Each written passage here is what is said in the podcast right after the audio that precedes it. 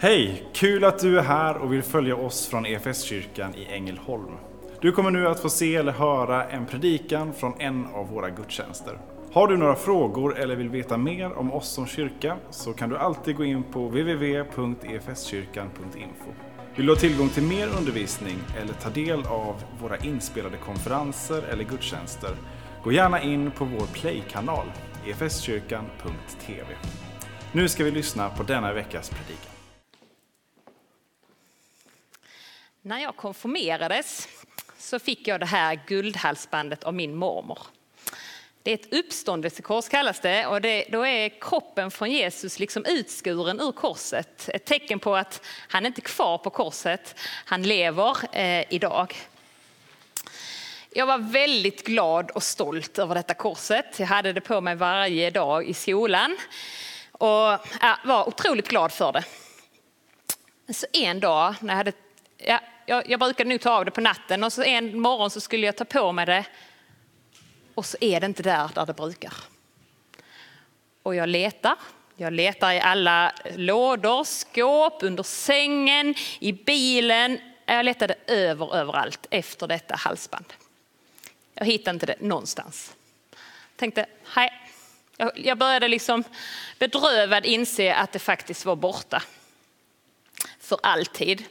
Och även om det skulle gå att faktiskt köpa ett likadant så var det liksom inte samma grej. För att min mormor, hon levde inte längre när jag tappade bort det. Och det hade ju ändå inte varit det här halsbandet, det här korset som jag fick av henne, så om jag hade köpt ett nytt. Ehm, och så en dag så ringer de från ett, en lägergård i Örkelljunga som heter Strandhem, där jag nyss hade varit. Och så ringer de och säger att vet du vad, det är någon som ute på parkeringen har hittat ett guldhalsband. Och min moster jobbade där och hon visste att jag letade efter ett guldhalsband. Så hon sa, kanske är det ditt, kan du inte komma hit och kolla? Jag åkte dit och det var mitt halsband. Och förutom en liten, liten repa som man knappt kan se så var det helt, fast att det hade legat där på parkeringen och säkert blivit överkört av någon bil och sådär. Jag hade fått tillbaka det. Och det handlar ju såklart inte bara om själva halsbandet utan så mycket om minnena och det känslomässiga värdet i det här halsbandet. Det var därför det var så jobbigt att förlora det och det var så underbart att återfinna det. Ehm, jag tänker att det är den här känslan som Jesus vill åt när han i Lukas kapitel 15 berättar tre olika liknelser. Ehm, och de, I de flesta översättningarna så har de rubriken Det förlorade fåret, det förlorade myntet och den förlorade sonen. Men i den förra folkbibeln, jag vet inte varför de har ändrat, eh, så är rubrikerna istället Det återfunna fåret, det återfunna myntet och den återfunne sonen. Och jag tycker det är så mycket härligare och mycket bättre egentligen beskrivning på det, vad det handlar om. Eh, och vilken skillnad. Och I den första årgången som vi är inne i nu så är det liknelsen om fåret som är dagens evangelietext. Eller kanske vi ska istället snarare säga liknelsen om herden. För om ni lyssnar när jag snart ska läsa så är det egentligen herdens perspektiv som det handlar om. Det är herden som är i fokus. Det står så här i Lukas kapitel 15, vers 1-7. Alla tullindrivare och syndare höll sig nära Jesus för att höra honom. Men fariseerna och de skriftlärde kritiserade honom ständigt och sa den där mannen tar emot syndare och äter med dem. Då berättade han denna liknelse för dem. Om någon av er har hundra får och förlorar ett av dem, lämnar han då inte de 99 i öknen och går ut efter det förlorade tills han finner det? Och när han har funnit det blir han glad och lägger det över sina axlar. När han sen kommer hem samlar han sina vänner och grannar och säger till dem, gläd er med mig. Jag fann mitt förlorade får. Jag säger er, på samma sätt blir det större glädje i himlen över en enda syndare som omvänder sig En över 99 rättfärdiga som inte behöver någon omvändelse.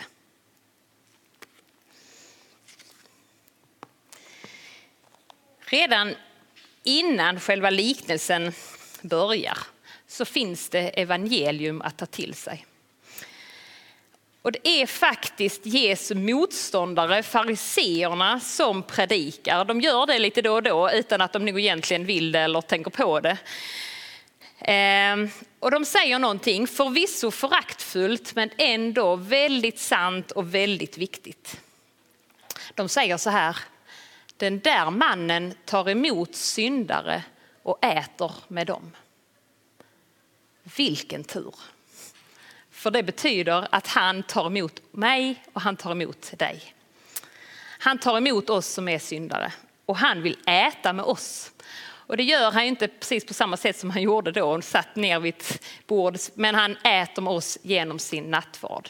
Genom måltiden där med de gåvorna som vi sen ska få, få del, del av. Så att fariséerna säger någonting viktigt. Eh, och så får vi också försöka lära oss av den allra första meningen i texten.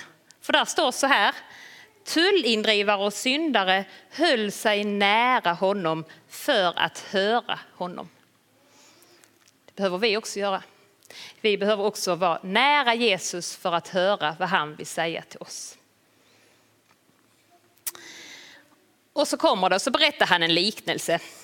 Och han berättade det då, men han berättar den lika mycket för oss idag. För Guds ord är levande och verksamt idag också.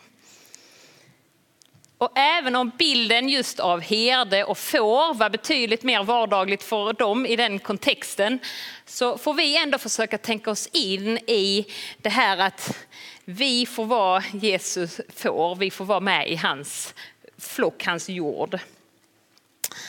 Ehm, han vill ha oss nära sig.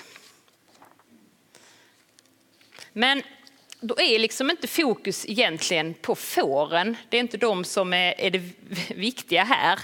Det är varken fokus på dem, det som springer bort eller de som är kvar, utan fokus är på herden. Vad gör herden? Jo, Jesus vill med sin liknelse berätta någonting om sig själv.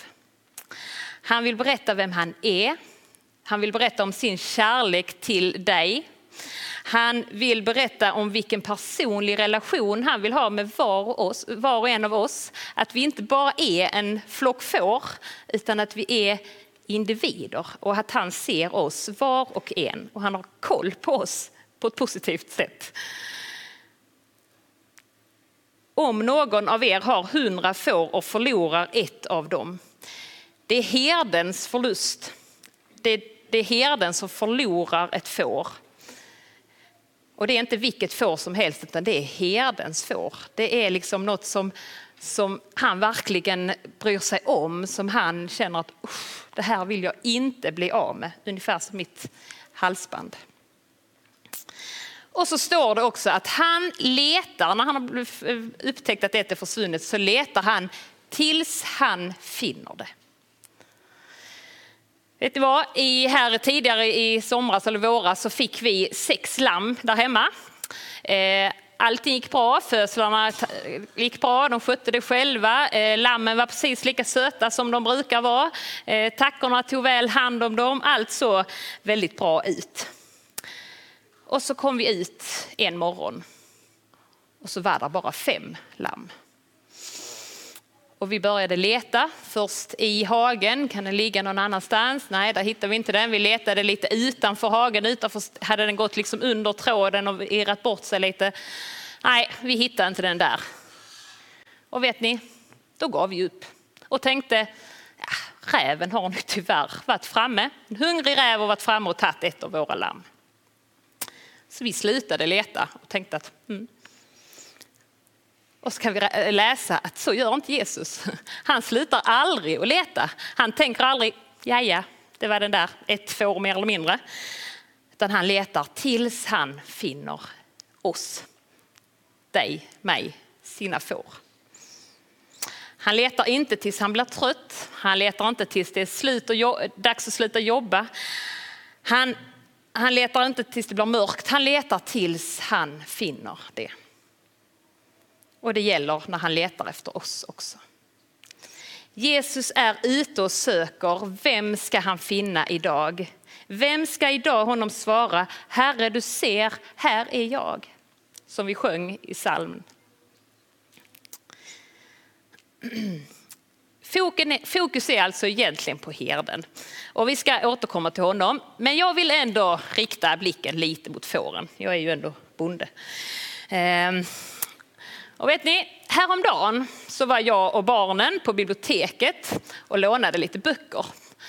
Eh, och ja, barnen sprang omkring där i barnavdelningen och plockade på sig lite böcker och jag jag noterade inte exakt vilka böcker som hamnade i den här högen mer än att en traktorbok blev lånad för fjärde gången.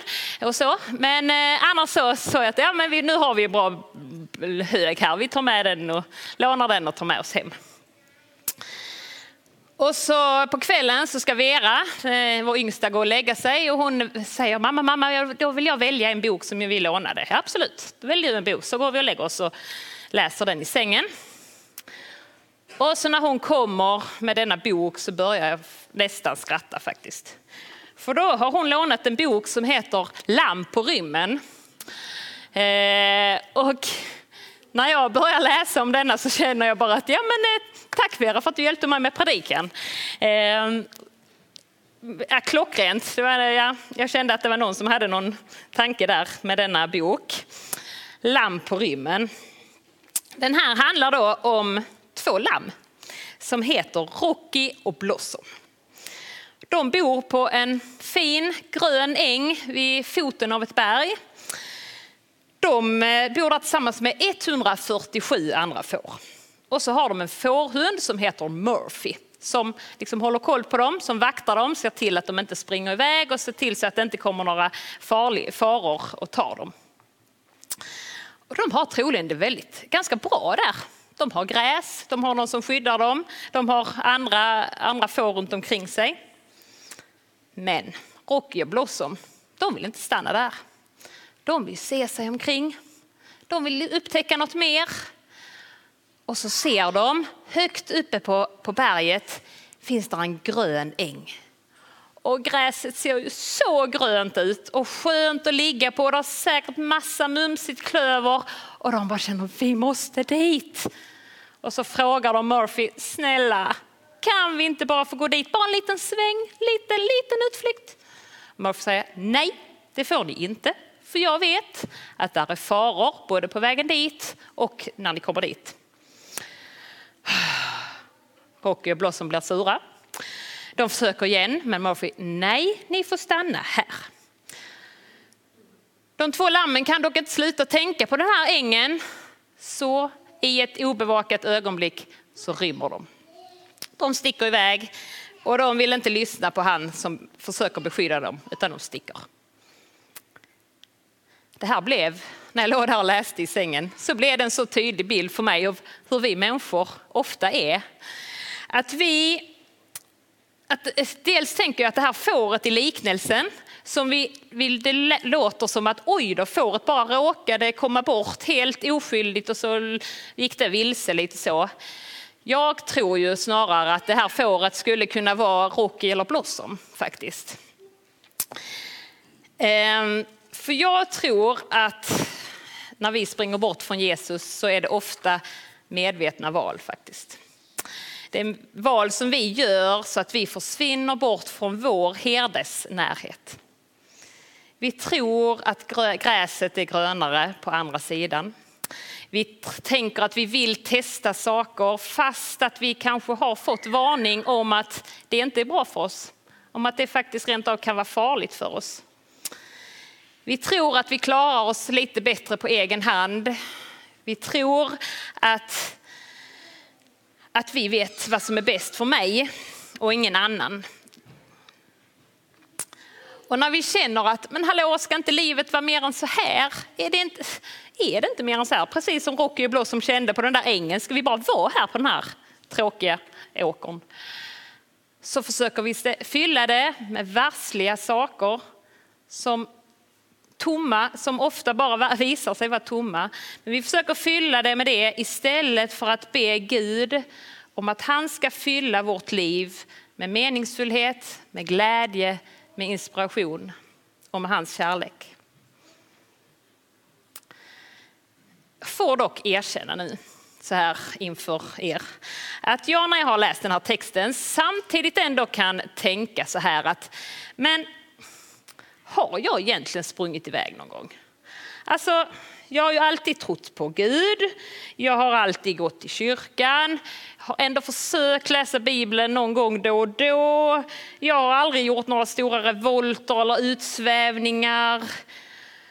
Jag är väl egentligen bland de där 99 fåren som stannar kvar och som, är, som faktiskt herden lämnar där i öknen och bara får gå och leta på ett obstinat och förvirrat får som är borta.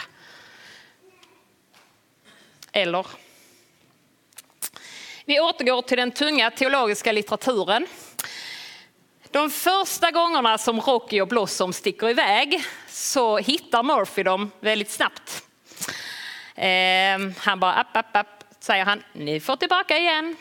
Och så provar de igen och så, nej, nej, nej, nej, kom här. Och jag tror att de där små utflykterna, de gör vi mer eller mindre varje dag. Och det gör att vi behöver egentligen varje dag säga till Jesus, förlåt för att jag inte gör som du vill att jag ska göra. Förlåt att jag inte håller mig nära dig hela tiden. Um, och så får vi säga, hjälp mig att leva nära dig. Hjälp mig att vilja vara i din närhet, i din flock. Och så fångar Jesus in oss, gång på gång fångar han in oss i sin famn. Och så säger han, ja, jag förlåter dig. Jag vill ha med dig att göra, jag vill ha med dig i din flock, för du är mitt älskade barn, säger han till oss. Han sin förlåtelse ger dig när du din synd honom ger. Då blir du hans, från hans kärlek inget kan skilja dig mer. Vet ni, förutsättningen för att vi ska kunna vara nära Jesus, den finns faktiskt också i den här boken. Eh, skildrat. Jag har ingen aning om eh, författaren tycker om att jag drar de här liknelserna. Det får han nog aldrig reda på ändå. Eh, men i alla fall, för till sist så lyckas de här två busiga lammen rymma långt bort. De springer, de springer, de springer och de kommer till sist fram till den här ängen. Och så, och så kommer de bakom ett träd liksom och så tänker de, där bakom, där är ängen. Och så går de runt trädet och där står vargen. Han står där och säger välkomna hit. Vad gör ni här? Och lammen försöker backa men han är snabbare och han jagar dem upp mot en brant. Mot ett stup och de här lammen inser att det finns ingen räddning. De börjar ju motvilligt också erkänna att Murphy hade kanske rätt. Och så står de där och tänker, det finns ingen chans att vi kommer härifrån. Det finns ingen räddning. Och då, och då kommer Murphy. Han kommer, han puttar ut vargen ut för stupet. Han säger till lammen, kom nu så springer vi. Och alla tre de springer tillbaka till ängen, till den trygga ängen. Och de är räddade, lammen. Vet ni, Jesus har med sin död och sin uppståndelse knuffat undan den som vill ta våra liv, djävulen. Han har knuffat ut honom för ett stup.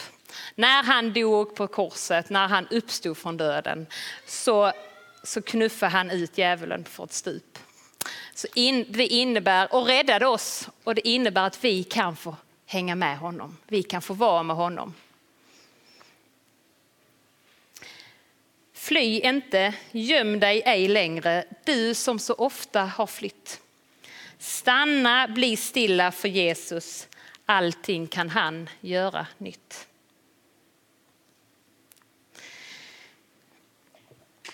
Vi återvänder till sist till den här faktiskt. Bibeltexten i Lukas. Och så läser vi om hur herden reagerar när han hittar det förlorade fåret. Det står, han blir glad. Han lägger det över sina axlar och sen när han kommer hem så berättar han sprudlande för sina vänner att vet ni vad? Mitt får var förlorat men nu har jag hittat det igen. Kom nu så har vi fest och kalas och allting. Underbart. Det står inte om några anklagelser, tillrättavisningar, något muttrande om dumma fårskalle eller någonting sånt. Utan det är bara att herden blir glad när han ser sitt förlorade får.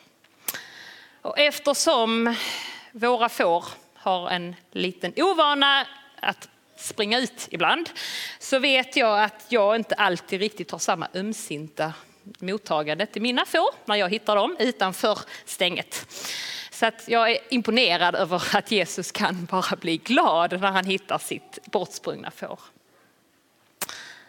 Och till sist, vem är det då som blir glad? Jo, den som blir glad för att han hittar dig och mig när vi springer bort. Det är världens frälsare. Det är universums skapare. Det är han som gläder sig när vi vill vara med honom. Det blir fest i himlen varje gång någon omvänder sig till honom och säger, jag vill vara med dig. Förlåt mig, vill du, vill du ha med mig? Ja, nu ställer vi till med fest. Och så tar Jesus in oss i sin famn eller lägger oss på axlarna och bär oss om vi behöver det.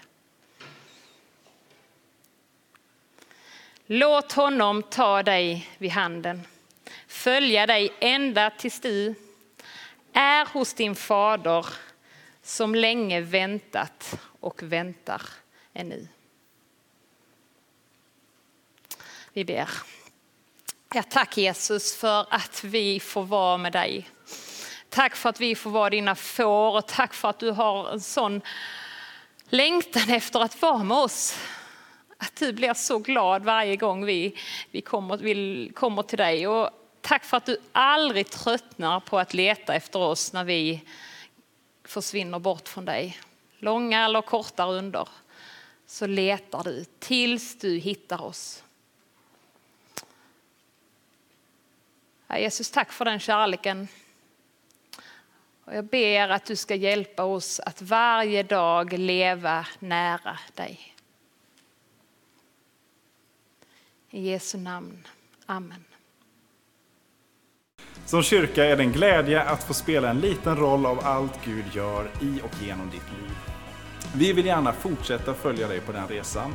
Och vill du ta reda på vad ditt nästa steg kan vara på din resa med Gud så gå in på efskyrkan.info nästa steg. Vår längtan är att få se människor och samhällen förvandlade av Jesus. Genom en kyrka som återspeglar Guds hjärta, bär varandra och betjänar människor varhelst vi befinner oss varje dag.